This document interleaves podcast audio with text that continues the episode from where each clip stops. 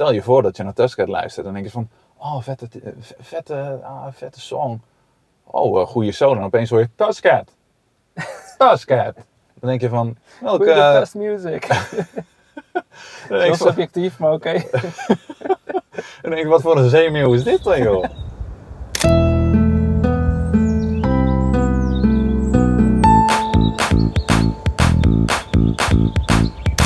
Welkom bij een nieuwe aflevering van de Creatieve Crisiskamer. De podcast waarin wij de uitdagingen van het creatieve vakgebied benaderen. Ik had het niet mooi kunnen zeggen. Wij hebben zojuist een eh, champagne gekregen bij de... eh, een champagne gekregen? Ik heb zelfs twee gekregen. Ja, meegenomen. Ja, eentje voor mij, eentje voor jou. Ja. We hebben zojuist een bubbeltje gekregen om eh, eigenlijk te vieren dat de creatieve crisiskamer zo'n groot succes is. We hebben inmiddels na drie afleveringen al aantal luisteraars. En nou ja, we zouden het niet mooier kunnen zeggen dan dankjewel. Dankzij. We hadden het niet zonder jullie gekund. Zonder jullie was er geen creatieve crisiskamer. Is dat waar? Dan was hij er wel, maar dan was het gewoon niet zo'n succes geweest. Precies, ja, dan hadden we geen bubbeltje gekregen. Dan zaten we er met z'n tweeën in te schreeuwen. en Precies. te creperen. Dat is ook wel een beetje wat we doen. Maar het is wel, wel leuk, denk ik, om de luisteraar alvast mee te geven. We hebben best wel wat mensen die in de rij staan om met ons mee te doen aan de creatieve Het, crisiskamer. eh, ja. het is ja. eigenlijk nu een soort van premature succes. Een soort voor het zingen de kerk uit. Zo, zo zou je het wel kunnen zeggen. Ja. En ja, dat vieren wij graag. En dus kregen wij van het hotel hier in Las Vegas, hè, bij de Sunset Station. Ik moest even kijken wat dat was. Eh en wij gewoon een bubbeltje gekregen. Sunset, eh, dat is de... Dat is de Dus eh, wanneer dat de is zon... casino. Ja, precies. Ja. En het hotel ook. ja. Dus wij vieren eigenlijk het, eh, het grote succes. Maar vandaag wilden wij eigenlijk met, met jullie wilden het ergens anders over hebben. Wij wilden het hebben over, ja, Je kan het niet alleen. je kan het niet alleen. Eh, en dat is in het creatieve vakgebied. Ik denk dat het in het hele leven wel een rode draad is. Eh, sommige mensen kunnen dat wel. Ehm, heel erg knap. En ik zou er niet gelukkig van worden. Maar je kan het niet alleen. Dat is gewoon, je kan het gewoon niet alleen. Als Nee. jij wil groeien, als jij succesvol wil worden, als jij ja, doelen wil bereiken, moet jij realiseren dat je het niet alleen kan. Hoe zijn we ook weer op het onderwerp gekomen? Eh, we zijn op het onderwerp gekomen toen wij eh, heel romantisch aan een frappuccino in de McDonald's zaten. Eh, ook weer een van die hoogtepunten van deze reis. Hadden we Ehm, even op moeten nemen. Ook quality content. We hebben gemist. echt, dit is echt niet te geloven, we hebben daar gewoon twee uur zitten lullen. En achteraf was het, hey, dit was interessant voor een podcast. Nu zitten we hier, weer in de standaard auto, eh, met de standaard microfoontjes, waar we volgens niet to the point kunnen komen. Ehm, maar wij zaten dus in de McDonald's. Ehm, en dan hadden we eigenlijk het over mijn succes. En dat, dat, dat klinkt soort van heel Ik zit even te denken hoe we erop kwamen. nou, Dat- ik, ik, ik weet het. We, we hadden het, we, we hadden het over het creatieve proces. En we hadden het over het stukje ehm, hoe ik nu opeens hè, ehm, als relatief kleine artiest een sponsorship deal heb met Vintage Guitars. ehm, in de eerste officiële eh, Spotify playlist eh, placement had sinds vorig jaar. Gemiddeld rond de 30 optredens zit per jaar. En dat eigenlijk als een relatief kleine artiest die vier jaar geleden is begonnen met songteksten schrijven. ehm, die altijd van zichzelf dacht, dat kan ik niet. Eh, wat ik dus blijkbaar toch wel kan. Eh, en het was eigenlijk in het verlengde lag het van het trots zijn. Eh, het stukje van, oké, maar hoe, hoe, hoe zijn we gekomen waar we nu zijn? En toen kwamen we erop op het stukje dat ik tegen jou zei... Jonathan, zonder jou had ik niet zo succesvol geweest als nu. Zonder jou had ik die sponsorship deal niet gekregen. Zonder jou had ik het visuele aspect niet gehad. Had ik niet zoveel opgevallen. Hè. Dan had ik ook materiaal niet gehad om, om eh, podia aan te schrijven, om in cafés terecht te komen, op, om op de radio te komen. Ehm, en dat was eigenlijk een, een, een moment dat wij het, het, het gesprek voortzetten.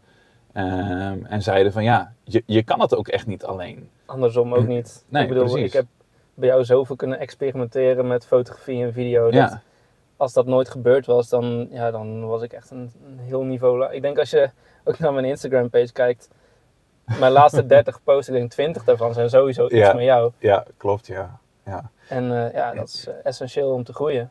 Dat is het. En dat is wa- wanneer je zelf volledig die controle probeert vast te houden, dan kan je niet groeien. Of tenminste, je kan niet zo snel groeien. Want je blijft in je eigen bubbel zitten. Eh, en ik denk Ja. dat, dat dat een belangrijk ding is. En eigenlijk een belangrijk ding is dat we willen overbrengen. Om te groeien heb je input van buitenaf nodig. Laat, eh, eh, of dat nou feedback is, of het opbouwende kritiek is, of het enthousiasme is van radio's, podia, et cetera. Je hebt het nodig. Want A, het motiveert je. maar B, het zorgt ook dat je scherp blijft. En dat je beter wil worden. Ja. De, de feedback is niet altijd super positief. Tenminste, ik heb een, een aantal stappen terug. Ik, ooit, toen ik, eh, ik denk een van mijn eerste baantjes, kreeg ik eh, van een collega. ik maakte toen al, nou ja, ik denk zes, zeven jaar muziek. Eh, maar ik schreef vroeger echt puur alleen instrumentale muziek. En ik begon toen met zingen. En ik had Hoe van, oud was je toen? ik was toen, wat zal het zijn? Eh 17, 18, zoiets. We het over tien jaar geleden. Ehm, en toen kreeg ik van een collega te horen, en toen had ik een van mijn eerste dingen met zang had ik uitgebracht. Ik kreeg van een collega toen daar te horen van, die, die muziek van jou, ja dat is echt goed. Maar dat zingen, dat moet je gewoon niet doen. Ja. Dat, dat Die he- mensen bestaan gewoon. die mensen bestaan gewoon. En als ik nu terugluister naar die zang, denk ik ook inderdaad, ehm, het was niet fantastisch. Ik bracht het niet heel lekker over.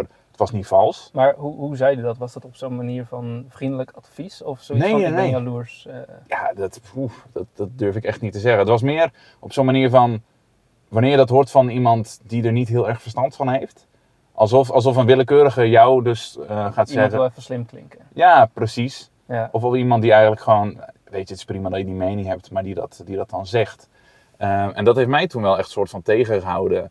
Ehm, en heeft mij echt, voor mij wel echt gezorgd dat ik zo lang heb gezegd tegen iedereen, dat herinner jij ook wel. Dat ik zei, ja, teksten schrijven en zingen, nee, dat kan ik niet. Ga ik niet doen. Eh, heb ik geen talent voor. Nee, ik houd bij instrumentaal. En dat was het toen ook voor een aantal jaren, ging ik daar gewoon mee door. Ehm, en uiteindelijk, toen na mijn scheiding in 2019, ben ik teksten gaan schrijven. En hoeveel jaar is er overheen gegaan? daar, eh, Best wel, best wel wat jaren. vijf, zes. Eind middelbare school tot en met 2019. Daar is best wel tijd overheen gegaan, inderdaad. Ehm, en ik kan er nu naar terugkijken en dat ik ook best wel denk van... Inderdaad, mijn zang was toen niet fantastisch. Daar kan ik, dus- zo kan ik er nu op terugkijken. Dat heeft mij ook heel lang tegengehouden om er daadwerkelijk iets mee te doen. Ehm, aan de andere kant is dat voor mij wel een soort van rode draad... dat ik nog steeds niet durf toe te geven dat ik een zanger ben. Eh, Want jij had laatst een incident bij de... Of incident. Ja, en bij de, bij de Summer Music Store inderdaad. En dat was wel eh, komisch. En dat is denk ik inmiddels ook wel een anderhalf jaar, twee jaar geleden misschien. Eh, dat ik ook met een, eh, een eh, echt wel een hele goede muzikant in gesprek raakte bij de Summer Music Store. En toen ging het over zingen. En dat, ja, ik deed al best wel wat optredens. Optreden of eh 10, 15 deed ik toen, toen denk ik per jaar. En toen vroeg hij van, oh ben jij ook een zanger? En mijn eerste reactie is dan, nee, dat, ja, ik, ja, ik zing ook, ja. En toen vroeg hij nog een keer, maar ben je een zanger? Toen zei ik, nou ja, dit, ik, ik ben meer de, de songwriter die ook zingt. Zeg- Toen vroeg hij nog een keer van, oké, ga je op een podium staan? Ik zeg, ja, ik, ik ga op een podium staan, ja, ja. Schrijf jij je eigen teksten? Kan je die zingen? Ja, nou, ik kan mijn eigen teksten schrijven en ik zing die wel, ja, ja, ja, ja. En kan je dat overbrengen? Krijg je het publiek mee? Dan zei ik van ja, nou ja, inderdaad, het publiek. Nou, ik krijg wel, ik krijg mailtjes, ik krijg reacties van mensen die ik niet ken. Van wow, jouw muziek raakt me. Dan zegt hij, ja, je bent dus een zanger. En dat, dat heeft me wel echt aan het denken gezet. Dat ik denk van, wow, ik laat mijzelf door eigenlijk een negatieve ervaring van het verleden. Blijft dat mijn soort van, soort van achtervolgen? Eigenlijk heb ik gewoon mentale issues, maar Nee, maar ik, ik herken dit wel. Want als je jezelf voor zou stellen aan een Ja. en je zegt ik ben een zanger. En die andere is niet muzikaal. Ja. Je denkt bij zanger aan alles wat hij op de radio hoort. Precies, Nick en Simon. En daar wil ik niet mee vergeleken worden, alsjeblieft. Nee, maar inderdaad, ja. En, nee, ehm, maar Ooit, ooit ga jij ze voorbij op de een of andere manier. ooit, ja. Nou, ja, ben je al. Ja, in op- op- opzichten. in bepaalde opzichten, ja. Het is ook niet waar ik zou willen eindigen of zou willen komen, zeg maar. Maar inderdaad, het is wel het stukje... eh, Ik zou mezelf niet een zanger noemen, of heb dat in het verleden niet gedaan, dat ik mezelf altijd vergelijk met mensen die beter zijn. Hè? En tuurlijk, je kijkt op naar de, de artiesten die op de radio komen, die miljoenen plays hebben op een Spotify, et cetera. En dan ga je dan mee vergelijken en dan ga je zelf een soort van wegcijferen. Ehm, en, en dat is zo'n dingetje dat je denkt van, ja, dat, dat is helemaal nergens voor nodig. Maar ik weet niet. Ik denk in een heleboel mensen zit dat. En, het is, en ik weer een ver- verband met trots zijn.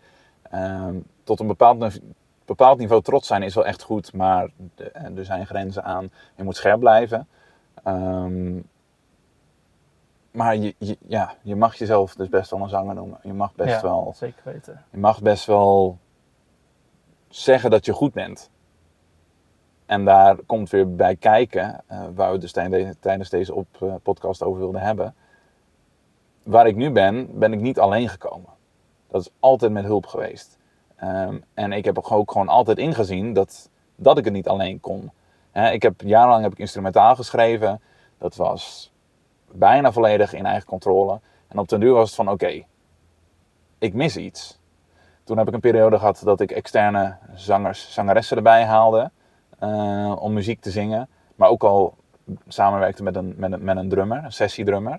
eh, waar ik inmiddels al een jaar of elf mee samenwerk. Dus dat is ook al wel weer Is dat die ene via Fiverr? Fiverr inderdaad. Ja. Glenn Wellman.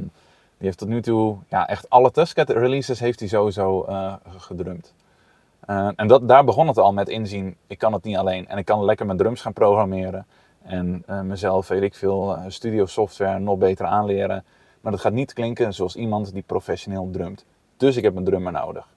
En voor de, ik ben ook niet heel muzikaal, maar voor de mensen die dat niet zo snappen, hoe- wat is, hoe merk je het snelst het verschil tussen dat digitaal zelf doen en het een echte drummer laten doen? Waar, waar, Ik, ik, sowieso de sound en digitale drums en dat soort dingen, dat klinkt gewoon anders. ja, Maar daarnaast ook gewoon het organische. Ik bedoel, ik denk wat jij misschien wel herkent, is ik kan gitaar programmeren. Zoals bijvoorbeeld onze podcast jingle. Of ik kan het zelf spelen. Ja. Zoals alles wat ik op Tuskcat doe. Dat hoor je heel het echt duidelijk. spelen, dan heb je al die imperfecties die het echt maken. precies. De, de, de, de snaar, snaren en het de snaar die net gedempt is, eh, dat stukje, dat kan je niet faken met iets elektronisch programmeren. En daarnaast, als ik het programmeer, programmeer ik het vanuit mijn songwriting idee. Dus vanuit mijn kennis van de instrumenten die ik wel kan Ja. en ongeveer wat ik zoek. Wat dat betekent, en dat kan ik echt wel zeggen, want ik heb het in het verleden ook gedaan, dat je de meest debiele drumpartijen maakt, die het echt helemaal niet zouden kunnen. Dat je denkt van, gast, waar ben je mee bezig? Ja, ja dat heb ik dus ook gedaan. Maar Ja. dat, dat is dus een stukje, wil jij muziek naar een hoger niveau tillen, moet je realiseren dat je dat niet alleen kan. En dat begon bij drums. En op een gegeven moment ging het bij mij verder en was van oké, mijn mixen en masteren klinkt gewoon niet zo als het hoge niveau mixen masteren wat je op een radio hoort. Dus moet ik het uitbesteden bij een professional. Ja. Dat is gewoon zo. En ik kan mezelf opleiden, ik kan er jarenlang in stoppen en ik kan er langzaamaan beter in worden. Maar als ik nu wil dat mijn muziek, hetgene waar ik dus wel controle over heb, op het niveau zit van wat je op de radio hoort, moet ik mensen erbij betrekken. Ja. En zo kom je er dan uiteindelijk. Hetzelfde geldt voor, voor het PR-stukje. Ehm, ik kan het niet alleen. Ik, ik kan niet met mijn, met, met een camera zelf dingen vastleggen. Ik ben geen fotograaf, ik ben, ik ben geen filmmaker. Ik kan dat tot op een bepaald niveau. En dat komt niet op het niveau wat het moet zijn als je een professionele release wil hebben. Dus heb je daar mensen voor nodig. Dat is het gewoon. En dat moet je inzien. En ik had laatst ook een gesprek met een andere muzikant. En die, die werkte met een producer samen. En die weigerde überhaupt heel veel geld voor hem in te leggen. Dat ik al denk van, weet je, wanneer je 12 dollar inlegt voor een producer, wat verwacht je nou echt?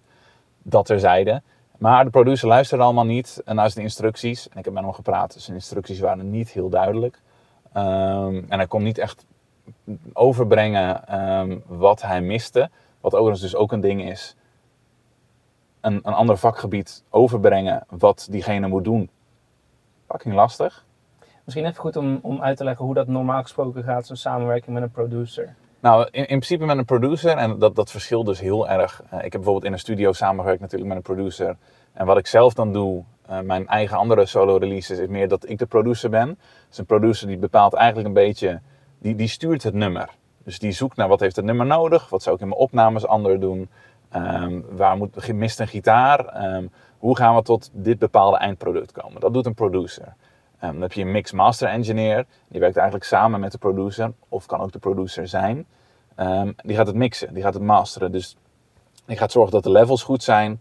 Die gaan zorgen dat de frequenties goed zijn. Dat de eh, effecten, de plugins eh, op, op iedere laag goed klopt. Dat het goed uitgelijnd is. Ehm, dat het dus radio ready is. Dus er kan ook nog heel veel gebeuren. Hè? Ik bedoel, Ja. je kan galm op, een, op, op stem zetten. Dat is even heel, heel plat en heel even het makkelijkste voorbeeld. Eh, een echo, eh, een distortion en dus een beetje vervorming. Eh, je kan de bas heel ver naar voren laten komen, je kan de bas, bas ver in de achtergrond doen, et cetera. Dat zijn allemaal dingen die een mix master engineer doet. Dan heb je nog eigenlijk het masteren, dus wat of een mix master engineer doet, of gewoon een losse master engineer. en dat is echt gewoon het stukje die laatste compressie, die laatste frequenties eigenlijk op het niveau krijgen dat, het, dat je competitieve audio hebt. Om het even heel erg snel en plat uit te leggen. Dus als ik het in mijn eigen woorden uit zou leggen, en ik vertaal het dan even naar, naar filmtermen. Ja. Jij als muzikant, als jij de schrijver bent van de nummer, jij bent de director. Jij bent degene met de visie ergens voor. Maar je hebt eigenlijk iemand nodig die weet hoe je het goed uit kan voeren. Dan ga je naar je producer en die luistert naar wat jij wil. En die zoekt naar de beste manier om dat voor elkaar te krijgen. Ja, want die heeft de kennis van hoe je het voor elkaar krijgt en niet per se de kennis van jouw nummer. Ja. Dus die, die heeft de kennis van, oké, jij komt hier met deze demo aan zo maak je er echt een fantastisch iets van. En ik weet wie je waarvoor nodig hebt. Ja, precies. Ja. Dan heb je nog je mix master engineer, die doet eigenlijk het editen. Die doet letterlijk het editen. Ja.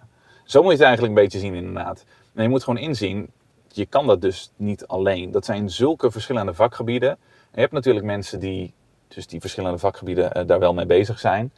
Um, maar ik denk zelf persoonlijk, dat is waarom je ook ziet bij de echt grote releases, dat je hebt tijdens een opname heb je twee, drie audio engineers. Je hebt een losse producer, je hebt een losse een mix engineer en een losse master engineer. Dat iedereen eigen expertise heeft. Het het beste is als die niet met elkaar betrokken zijn, tot op een bepaald niveau natuurlijk, um, totdat zij het, het, het tussenproduct eh, in handen krijgen en het dan naar een hoger niveau tillen. en ehm, waarom is dat? Want dat vind ik, dat, ik herken het, maar misschien ook wel leuk om even uit te leggen. Waarom is het zo goed om die dingen gescheiden te houden? Omdat wanneer je er te veel mee bezig bent, je niet meer dingen gaat horen. Je gaat het niet meer horen of zien wat er beter kan, wat er anders moet. En dat is een ding, ik ben natuurlijk als muzikant heel erg betrokken bij ehm, mijn audio. Maar dat betekent ook dat ik de meest minuscule dingen ga horen. En ik moet uiteindelijk moet ik mijn mix en mijn master goedkeuren. Maar dat betekent dat, dat ik gewoon door kan gaan tot master 70 omdat ik nog ergens in mijn stem een bepaalde frequentie hoor. Waarvan ik van denk, oh, dit is echt afgrijzelijk. Dit, dit, gaat, dit gaat niemand, niemand gaat dit luisteren. En vervolgens blijkt eigenlijk dat tussen, tussen mix 2 eh, en, en mix 70, dat mensen denken, uh, wat heb je hier veranderd dan? Maar dat is gewoon, de audiofiel die hoort dat wel. En zelf moet je er natuurlijk ook achter staan dat wanneer je het uitbrengt, ja. dat je het over een jaar nog kan luisteren en er trots op bent. En ik denk een andere met muziek heb je dat misschien minder, maar is het. Uh, mijn, mijn docenten noemden dat uh, kill your darlings. Mhm. Eh, als je een goed eindresultaat wil hebben, moet je niet bang zijn om dingen te verwijderen ja. of dingen los te laten. 100%. en dat is met, met video's, films maken helemaal. Als je heel veel moeite in één shot hebt gestoken en je, ziet van, je weet wat de waarde ervan is, dan wil je hem er zo lang mogelijk inhouden. Maar dat is niet per se beter voor de film. Precies, niet beter voor het eindresultaat. En op een gegeven moment moet je er dan aan toegeven wil je het eindresultaat het beste hebben of heb je een soort van trots achter dat stukje en kan je dat niet loslaten? Ja, ja. En dat is een hele moeilijke. Dat is een hele moeilijke. En dat is dus ook met die muzikant ehm, waar ik toen mee sprak over het stukje uh, dat hij zei, oh nou de producer die, eh, die, die snapt me niet, dus ik ga het zelf wel doen. En dan heb je het over iemand die dus echt geen verstand heeft van mixen masteren. En dat is niet negatief. Uh, dat is trouwens iemand die ik via Instagram ken. En dat is niet negatief, maar toen ik net begon met mixen en masteren, had ik er ook geen verstand van. En toen ik het drie jaar deed, had ik er ook geen verstand van. Toen ik het vijf jaar deed, had ik er ook geen verstand van. Want ik ben geen professional erin. Ik heb er niet in geleerd. Ik heb er geen opleiding in gedaan. Ik heb niet de juiste apparatuur. Met een paar tutorials alleen ga je niet jouw audio op zo'n hoog niveau krijgen. Nee. Uh, en dit was zo'n gevalletje van ik ga wat audio levels aanpassen en nu is het klaar. En die heeft dat nu dus ook uitgebracht. Ehm, en dit is trouwens helemaal geen negatieve feedback of zo, want ik, ik herken mezelf ook. En ik weet, vroeger had ik datzelfde, dat ik dacht van, ja, maar ik wil alles zelf doen, want dan is het volledig mijn eigen productie. En dan kan ik er trots op zijn en dan, dan dit is het. Hè? En dat is net zo goed als al het andere. Maar wanneer je dan gaat luisteren naar al het andere, denk je, ik mis iets. Er mist een stukje kwaliteit. En dat mag je best toegeven. Dat mag je best toegeven en dat op een gegeven moment kom je tot de realisatie, oké, ik wil dat het beter wordt. Maar dat kan ik niet alleen, want daar ligt mijn expertise niet. En in mijn geval ligt mijn expertise, expertise bij het stukje songwriten, uh, bij het stukje muziek schrijven, bij het stukje van niks iets maken. Maar ik kan echt wel hulp gebruiken bij het stukje dat iets naar een hoog niveau tillen. Dat iets uh, op een professioneel niveau uit kunnen brengen. Dat iets kunnen visualiseren. Um, dat iets bij de media aandacht krijgen. Dat kan ik niet alleen. Dat is het gewoon. En dat geldt niet voor mij. Dat geldt voor iedereen. Je hebt gewoon anderen nodig. Je hebt andere expertises nodig. Toevallig ligt mijn uh, zakelijke expertise bij marketing, wat enorm helpt in de groei van Tuskcat. Oh, zeker weten. Maar er zijn ook genoeg artiesten die hebben eh, weinig verstand van marketing. Um, en die weten niet precies hoe ze dat moeten aanpakken. Daar help ik ook graag bij. Die mogen ook bij mij aankloppen. Er zijn er al een aantal die, mij, dus, die dus bij mij aankloppen. Uh, voor dingen zoals websites, voor dingen zoals uh, social media aanpak. Lange termijn strategieën, campagneplannen, et cetera. Dat zijn gewoon dingen dat is prima om toe te geven dat je daar hulp bij kan gebruiken. En als het goed is, wil iedereen elkaar daar alleen maar in helpen. Want je wil, je wil dat de ander slaagt. Dat is het gewoon. Voor mij zou het heel moeilijk zijn om aan bijvoorbeeld van die uh, wedstrijden en dat soort dingen mee te doen. Uh, omdat je dan toch een soort van de competitie met elkaar aangaat. En natuurlijk zit er in een deel wel een hele fijne vibe. Maar ook, ook een deel is natuurlijk van ja, ik wil beter zijn en ik moet beter zijn. En als je wint, ik ben beter dan de rest. Uh, terwijl beter vind ik een heel vies woord ik in de kunst. Ik wou net zeggen, beter is heel, subjectief. Ja, dat, dat vind ik... er is niks beter. Uh, iedereen heeft zijn eigen kracht. En eigenlijk zijn eigen niche, die je dus moet uitbouwen binnen een, een groter, ja, uh, interessant vakgebied. Ik bedoel, ik ben ook nog steeds op zoek naar, is het nou country, is het Americana, et cetera. Maar ik heb mijn ding, en het slaat aan. En ik bedoel, ik had nooit verwacht dat ik op het niveau zou zijn dat ik fanmail en dat soort dingen krijg dat ik berichtjes krijg dat mensen emotioneel zijn geworden tijdens het luisteren van mijn muziek. Maar daar ben ik nu. Emotioneel. Zo, het komt gelijk naar boven, jongens. En ik kan het niet alleen. En ik ben er niet alleen gekomen. ik ben er gekomen door een heel team. Dus Tusket is niet alleen Patrick van Zandwijk. Tusket is iedereen die Patrick van Zandwijk tijdens het proces heeft geholpen. Ja. Dat is het. Ik moest net even denken aan uh, ik kan natuurlijk weer even niet op zijn naam komen. Maar uh, een filmregisseur. Ja, het is heel beschamend dat ik daar nu niet op kan komen. Echt een van de grootste. Maakt niet uit. En ik hoorde laatst uh, dat uit een van zijn interviews bleek dat hij expres nooit films kijkt. En mm expres nooit niks over techniek leert. Oh ja, ja. En dan heb je het ook wel iemand met echt een legendarische visie. Die echt de, de, de grootste films op aarde ja. neerzet. En die juist omdat hij niet luistert naar wat de rest doet en helemaal zijn eigen ding doet, daardoor er zo uitsteekt. Ja. Um, maar ik moest daar ineens aan denken. Ik denk, ja, voor, voor hem werkt dat wel, voor 99% van de rest van de wereld waarschijnlijk niet. Ja, ja en de vraag is ook hoe gezond is het? Hè? Ik, ik las ook een hele tijd geleden iets over Martin Scorsese volgens mij. En hij zat de Marvel films allemaal af te kraken. Hij zei, dat is geen cinema, dat zijn geen films, dat telt niet mee, het is bagger. Maar ik denk van, dan krijg je een soort van competitiviteit. Omdat jij een bepaalde status hebt als regisseur. Uh, en dan ga je maar andere dingen afkraken. Zo krijg je een, een toxic omgeving. En dan... Afkraken is echt uh, jammer. Dat is nergens voor nodig. En dan denk ik ook van ja, tuurlijk. Hè, je zal allicht hebben dat je ergens een mening over hebt. Of denkt van ik had dit anders gedaan. Of ik vind dit wat minder. Dikke prima. Dikke prima. Hè, dat, dat is en blijft een mening. Maar laten we elkaar gewoon helpen. Ja. Laten we elkaar helpen om op een hoger niveau te komen. Ik bedoel, ik ben ook niet de beste gitarist. Dus wanneer ik tips krijg van een gitarist die echt gewoon goede techniek heeft, kom maar op. Ik wil mijn muziek naar een hoger niveau tillen. Ben jij nu, uh, ik moet ineens denken aan verschillende genres. Mhm. Kijk, er zijn bepaalde filmgenres die ik helemaal niks vind. Ja. En in muziek heb je dat natuurlijk ook. Kun jij elk genre waarderen voor wat het is? Bijna elk genre. Ja. Welke niet en waarom? En bijvoorbeeld een techno. Dat Ja. is gewoon, daar gaat het vooral om de beat. Daar gaat het om eh, dansen, bewegen. Niet muzikale inhoud. Dus dat, ik, ja weet je, er is ook een markt voor. En het werkt. En er zijn DJ's die dat heel goed kunnen. Ehm, dus die mogen er ook echt wezen. Maar ik kan er zelf niet naar luisteren. Want voor mij gaat muziek om inhoud. Om, om ehm, textuele inhoud. Muzikaal uit, uitgedaagd worden. Emoties naar boven halen. En de emoties die ik zoek, ga ik niet vinden in techno. Dus ik kan daar niet naar luisteren. Betekent niet dat ik nog steeds respecteer dat het zo'n groot ding is. En dat zoveel mensen het leuk vinden. Ja. Ik bedoel, het is toch fantastisch dat het kan. Hetzelfde wat ik heb is met, met, met Nederlandse muziek. Ik vind de Nederlandse taal zelf gewoon niet heel mooi. Ja, je bent niet de enige. Nee, dus is, ik, ik zou niet Toch Nederlands... doen we de podcast lekker in het Nederlands. Precies.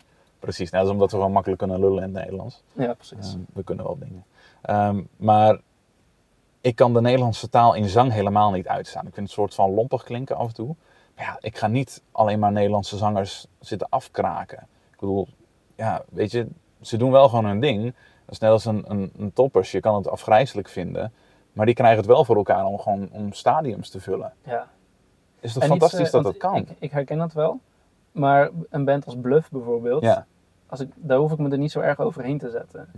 snap als ik. ik in de juiste stemming ben en ik, ik Maar dat is meer, komt Bluff voorbij, dan heb ik zoiets van, ja, dan, dan raakt het me wel. Dat denk ik. Maar dat is ook denk ik meer, dat is dus wel weer de muzikale inhoud die erachter zit. Ja, Het is niet een soort van carnavalsmuziek, wat Nee. vaak bij Nederlands muziek klopt, wel is. ja. Eh, dat het leuk moet zijn om op eh, de dorpsfeestjes te kunnen draaien. Ehm, maar nogmaals, wanneer het, dus, wanneer het inhoudelijk sterk is, dan kan ik er prima achter staan. Ik heb ook niet per se iets tegen popmuziek. Het is zeker niet mijn genre. Maar wanneer de artiest het dus zelf schrijft en het dus gewoon inhoud heeft, Het is voor een andere context bedoeld. precies. Ja, Dat is het. Maar ik heb er wel respect voor. Tenzij het echt gewoon alleen marketingmachine eh, muziek is. Dat bestaat ook. En dat is gewoon, de artiest schrijft niks, de artiest neemt niks op, behalve zang. de Zang wat- DJ Khaled. Ja, bijvoorbeeld. Ja. Ja. Of, eh, hoe, is die, hoe heet die, eh, die kerel die altijd zijn eigen naam zegt? Ja, dat is DJ Khaled. Is dat DJ Khaled? Ja. Er zijn er een aantal Hij schreeuwt zijn naam door de muziek heen. Hij is alleen degene die de artiesten bij elkaar brengt. Ja, precies. En vervolgens roept hij zijn eigen naam. Stel je voor dat je naar Tusked luistert en denk je van... Oh, vette, eh, vette, ah, vette song. Oh, eh, goede solo. En opeens hoor je Tusked. Tusked. Dan denk je van... Welke... The eh, best music. dan Heel subjectief, maar oké. dan denk ik, wat voor een zeemeeuw is dit dan, joh? Ja, ik wil die zeemeeuw nog wel een keer in een van jouw nummers horen. die zeemeeuw, ja. Voor de mensen die het niet weten, Patrick kan echt perfect een zeemeeuw nadoen. Ja, er zijn ook filmpjes. Er, er was ooit zo'n Snapchat-filter. En ik weet niet waarom, maar ik deed een zeemeeuw na op de kop, op het lijf van een gans. Ik weet niet hoe we daarbij zijn gekomen. Maar dat blijft een van de top-notch kwaliteit dingen die ik ooit heb neergezet. Ik denk, als, als ik dat nog een keer ga delen, dan eh, ligt mijn hele carrière aan, eh aan diggelen. Ja, maar daar heb ik al een hele goede zeemeeuw gedeeld. Dus eh, mocht het een keer lukken, dan komt de zeemeeuw echt voorbij. Maar nu even niet. Maar dat betekent dus, je kan het niet alleen. Ik kan het zeker niet alleen. Dat is waar we naartoe wilden. Ehm, om te groeien moet je toe kunnen geven dat je het niet alleen kan. Je moet professionals erbij halen die jarenlang in een bepaald vakgebied zitten. Eh, en natuurlijk is dat lastig, hè, want een professioneel bijhalen kan geld kosten, kan heel veel geld kosten. Ik bedoel, volgens mijn vorige podcastaflevering hebben we het erover gehad. Mijn, mijn studio-ervaring dingetje, dat heeft vele duizenden euro's gekost. En ik ben een solo-artiest, independent, dus ik moet alles lekker zelf doen. Ehm, en dat moet je maar kunnen. Hè? Want geld is nou eenmaal een dingetje. Was dat, was dat voor jou de eerste keer dat je zoiets deed? Zo'n grote productie. Ja. Ja. En had je van tevoren, was het voor jou heel helder waar, waar je voor betaalde? Maar dat dat, komt, scheelt wel een hoop, denk ik. Want je hebt het nog nooit meegemaakt, maar je weet wel precies wat je wil. En dan, ja, dat is, ik heb natuurlijk via Fiverr heb ik wel eens een, een producer of een mixmaster engineer of een violist, cellist, eh pedalsteel speler eh, ingehuurd. Dat zijn natuurlijk wat goedkopere bedragen, want die willen wat hoger komen. En in studio weet je gewoon, je hebt echt het topnotch van topnotch. Hè? Die gaan niet op Ja. een vijver zitten om, eh om eh, topscorers te halen. Die hebben al topscorers. Dus die hebben gewoon een naam in de markt. Dus je weet, je hier ga ik, precies waar je voor betaalt. dat is het. Ja. En dat was voor mij ook een ding. Ik wil dat hoe dan ook een keer gedaan hebben. En of dat nou nu is, ma- maakt me niet uit. Maar voor mij was dus tijdens die reis. Ik heb met George Morningstar heb ik muziek geschreven. Ik ga tijdens deze reis ga ik het opnemen. Hoe dan ook. Want dat is voor mij waar deze reis om draait. Dat is waar het voor mij in mijn muziek om draait. Ik wil gewoon het, het beste wat ik kan, wil ik nu neerzetten. En dat betekent natuurlijk wel straks, wanneer ik uiteindelijk weer eigen producties maak, zullen ze niet die invloed hebben van zo'n grote studio. Maar je hebt wel weer dingen geleerd, Ik heb wel, gezien, die je weer eh, zelf kan toepassen. precies, ik heb wel dingen geleerd. Eh, ik heb ge- dingen gezien die ik kan toepassen. En ik weet ook dat eens in de zoveel tijd wil ik zoiets opnieuw kunnen doen. Ja. Wil ik opnieuw zo'n top quality eh, eh, opname kunnen doen. Had je toen al een nummer in gedachten waar je het op toe wilde passen? Of was het gewoon van, ik wil zo'n sessie doen en ik, en ik bedenk later wel hoe Ik- en wat precies? Ik was begonnen met schrijven eh, in Nederland al. En ik had natuurlijk nummers waarvan ik dacht, die wil ik met Josh afschrijven. Die nummers heb ik dus opzettelijk in Nederland niet afgemaakt. Ehm, en toen heb ik dus, toen ik met Josh had gezeten, ook echt gewoon het idee rondgemaakt van... Oké, ik ga dat, die nummers ga ik hier dus ook opnemen.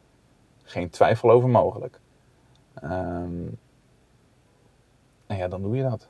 En dan weet je dat het geld kost. En dat geld heb ik er ook gewoon voor apart gezet. Ja. Ehm, en natuurlijk, dat kan niet iedereen. Uh, en misschien moet, moet, je kleiner beginnen. Dat, laat, dat haalt niet weg dat je nog steeds hulp van buitenaf kan en moet gebruiken en inschakelen. er zijn genoeg mensen die net als jou aan het groeien zijn binnen hun eigen vakgebied. En jou daarin willen helpen. Uh, zij het uh, gratis of tegen een kleine vergoeding. om ook gewoon een portfolio te laten groeien. Om ook gewoon hun eigen ding naar buiten te brengen samen met jou. Um, ik moet ineens denken aan de muziekvideo productiedag die wij oh, ja. begin dit jaar hebben ja. gedaan. Ja. En wat jij nu net beschrijft met die, uh, met die studiodag. Ja, ik zag me daar zelf ook helemaal in. Ik had daarvoor ook al heel lang zoiets van, ik wil het een keer groot aanpakken. Ik heb zoiets van, ik heb echt, nou ja, fantasie genoeg. En ja, gewoon het zeg maar, het idee van het, het, het huren van zo'n studio is fantastisch. Want je hebt eventjes niks meer wat je afremt. Je hebt alles bij de hand. Je hebt controle over alles. En ik had iets van, ik, ik ben gewoon zo benieuwd hoe ver ik kom als, ik, als alles gewoon bij de hand is. Als ik gewoon alles kan doen wat ik wil doen. En uh, ja, het was een hele intense, fantastisch leuke dag. Ja. Heel veel hulp ontvangen. En, en dat is het. En ik kon achteraf gewoon zeggen van, ik had een idee. We hebben het uitgevoerd. En het is nou ja, 99,99% gekomen waar ik het wil, had willen hebben. Ja. En er is eigenlijk niks gebeurd tussendoor wat ik had moeten fixen achteraf. Het was gewoon puur Klopt.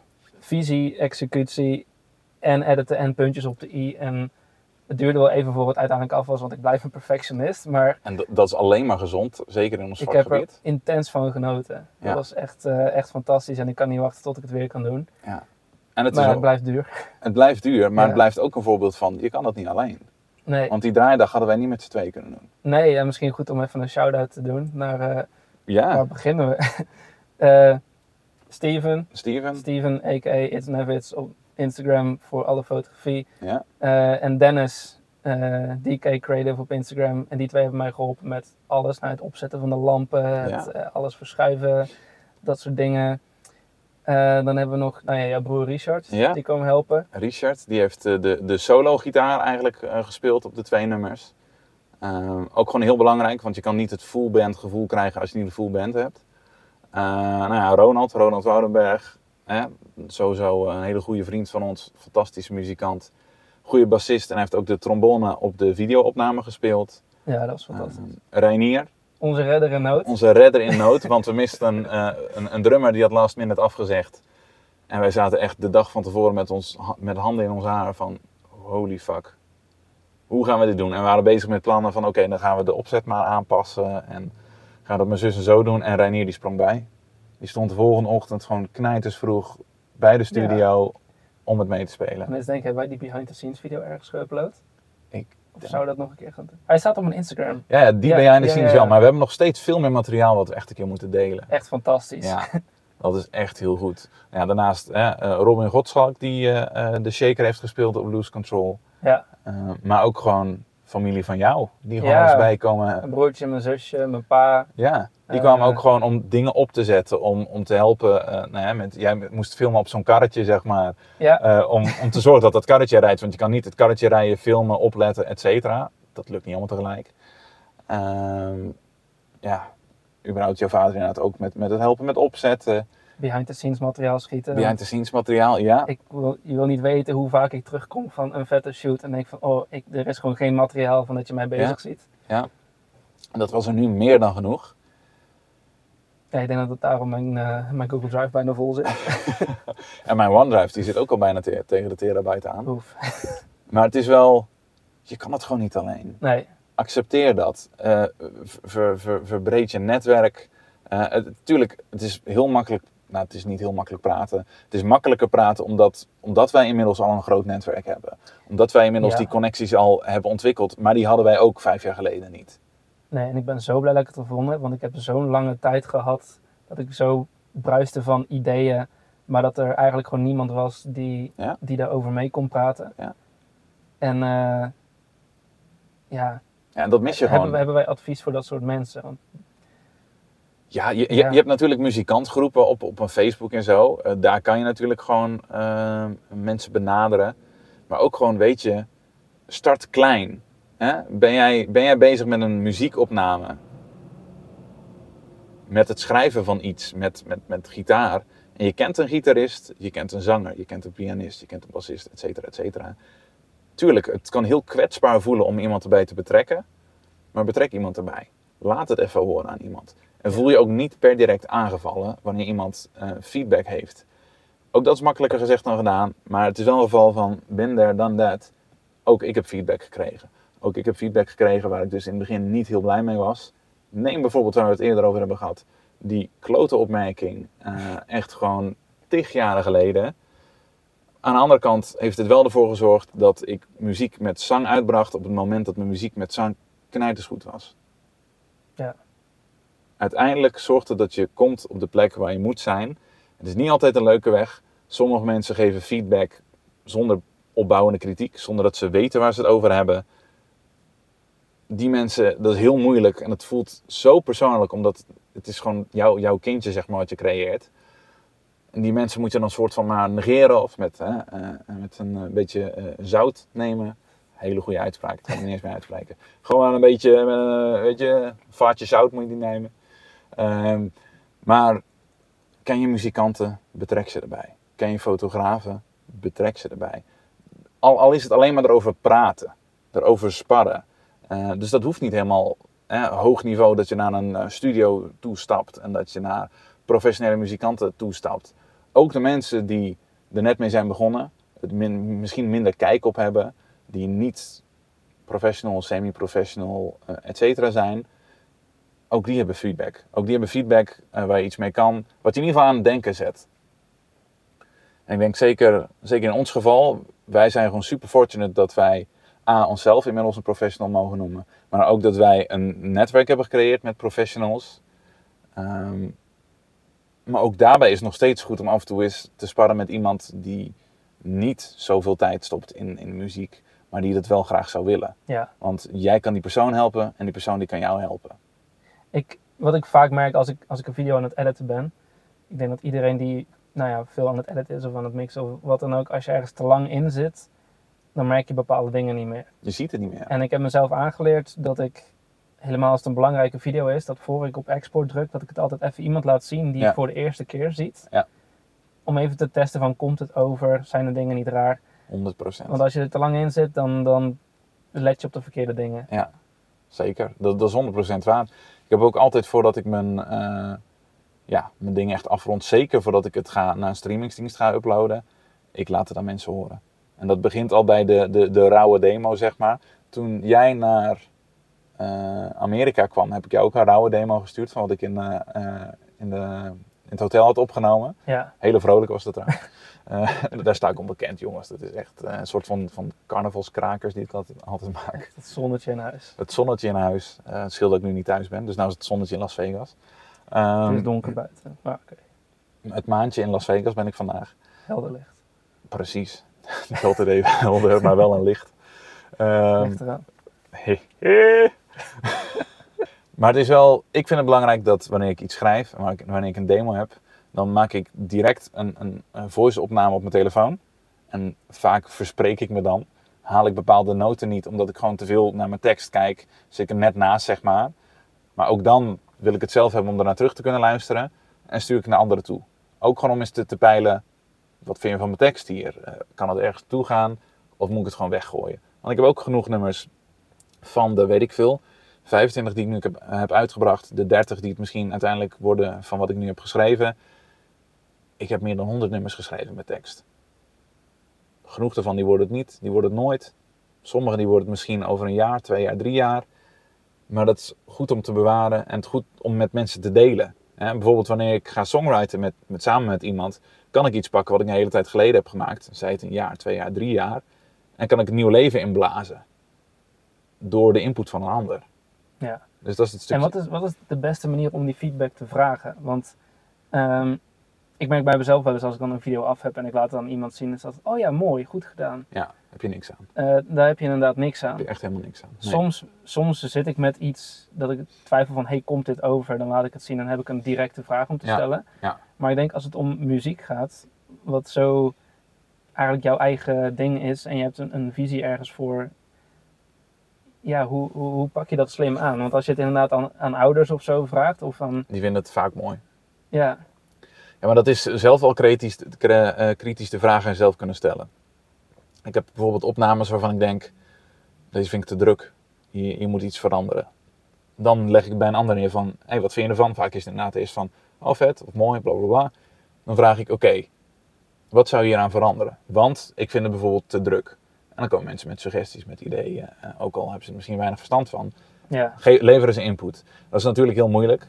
Um, want wanneer je bijvoorbeeld één puntje hebt waar je enorm over twijfelt en je gaat dat puntje aandragen, het zijn vaak dingen die mensen eerst helemaal niet horen en dan hoort het opeens wel omdat jij dat specifiek hebt aangedragen.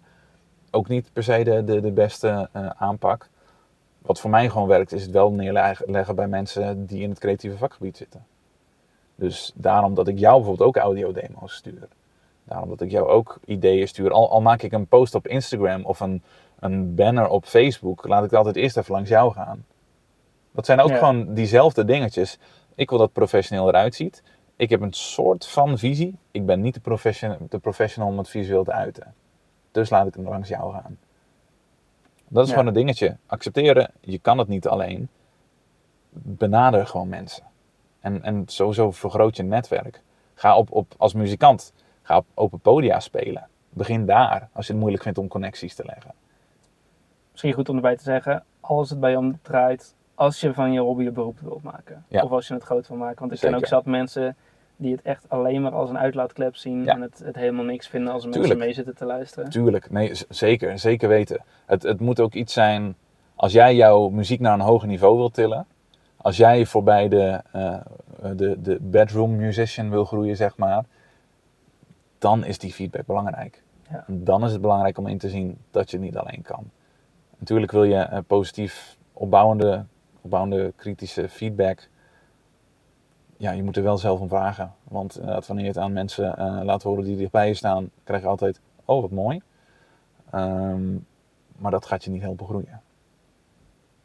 Dat is het. Ik zit even te denken, uh, moeten we hier het onderwerp stoppen en doorgaan over het nieuws? Of bewaren we dat voor de volgende? Want het is nu al best wel ver. We, we, zijn al best ver. Er is nog wel een ding inderdaad, die, die, die is goed om alvast aan te dragen. Ja. Um, een, een, nieuwtje, uh, die zagen wij voorbij komen. Eigenlijk gaat het uh, vooral rondom de, de verkiezingen en dat soort dingen. wij willen overigens onszelf niet mengen in politiek. Over het algemeen. Maar dit was wel een onderwerp wat ons aanging. Het was het stukje dat de, we lazen dat de VVD, die wilde BTW ophogen um, voor eigenlijk alles omtrent de creatieve sector naar 21%. Het was altijd 9% en ophogen naar 21%. Dat is nogal een dingetje dat je denkt van ja, dat kan zeker de, de kleine ondernemingen, de kleine muzikanten, de, hè, de, de groeiende uh, muzikanten enorm tegenhouden in omzet genereren. Um, dus inderdaad funds genereren om te groeien. Dat is nogal een kritisch dingetje. En daar zijn natuurlijk de meningen heel over verdeeld. Sommige mensen die roepen zelfs, de wereld kan zonder kunst en cultuur. Daar hebben we het al over gehad. Dan krijg je een hele depressieve wereld. Daar zullen we dus nog wel een keer op ingaan. Maar wij vinden het wel interessant om aan uh, jullie, de luisteraars, te vragen. Um, hoe zien jullie dat? Ja, hoe ziet een maatschappij zonder kunst eruit? Ja, en, en, en kan dat? En kan dat, maar eigenlijk wat misschien nog wel het belangrijkste. Wat vind je dan van de uh, verhoging naar 21% die de VVD voorstelt? En waarom? Wat, wat denk jij wat de impact daarvan zou zijn? En waarom ben je voor of tegen? Uh, wij hebben daar wel een, sterke mening over. Allebei, sowieso, wij zitten aan natuurlijk in het vakgebied. Maar we hebben echt een autorit van vijf uur gehad. Waarin we hard op elkaar ingingen. Ook om gewoon elkaar te challengen van oké, hartstikke leuk dat je in de creatieve sector zit. Maar hoe zou het eruit zien zonder kunst? Kunst is niet nodig. Nou, dat is helemaal niet onze mening. Maar we hebben elkaar wel gechallenged. Van oké, probeer even uit je eigen principes te stappen. En het probeer, te begrijpen. Lang vooral kort. Wij zijn dus heel benieuwd naar hoe jullie daarin staan. Um, dus schrijf ons vooral aan. Stuur een, uh, een DM'tje op, uh, op Instagram. de creatieve crisiskamer. Niet de trouwens, creatieve crisiskamer. Ehm, maar ook stuur ons een appje, ehm, een berichtje op Facebook, whatever. We horen het graag. Je kan ook een ehm, reactie plaatsen op Spotify, onder andere onder onze podcast. Ja, dat kan tegenwoordig ook. Dat wisten wij ook niet. Wij zijn echt helemaal bij de tijd. technologie is ons ding. En zo kunnen jullie de volgende keer lekker met ons meediscussiëren over dit Zeker. fantastische onderwerp. 100%. En dit is ook niet een, een onderwerp wat we alleen met z'n tweeën gaan bespreken. Ik denk dat dit wel een, een situatie wordt dat we dit onderwerp in meerdere delen in de toekomst met bepaalde gasten gaan aansnijden. Ja. Want het is echt wel heel interessant. En heel interessant ook sowieso om in de toekomst meer gasten te laten aansluiten. Dat wilde ik ook nog even benoemen inderdaad. Uh, en lijkt het jou dus ook interessant om uitdagingen binnen het creatieve vakgebied eh, te bespreken en met ons? Laat even weten. Bedankt voor het luisteren en uh, slaap lekker. Rusten.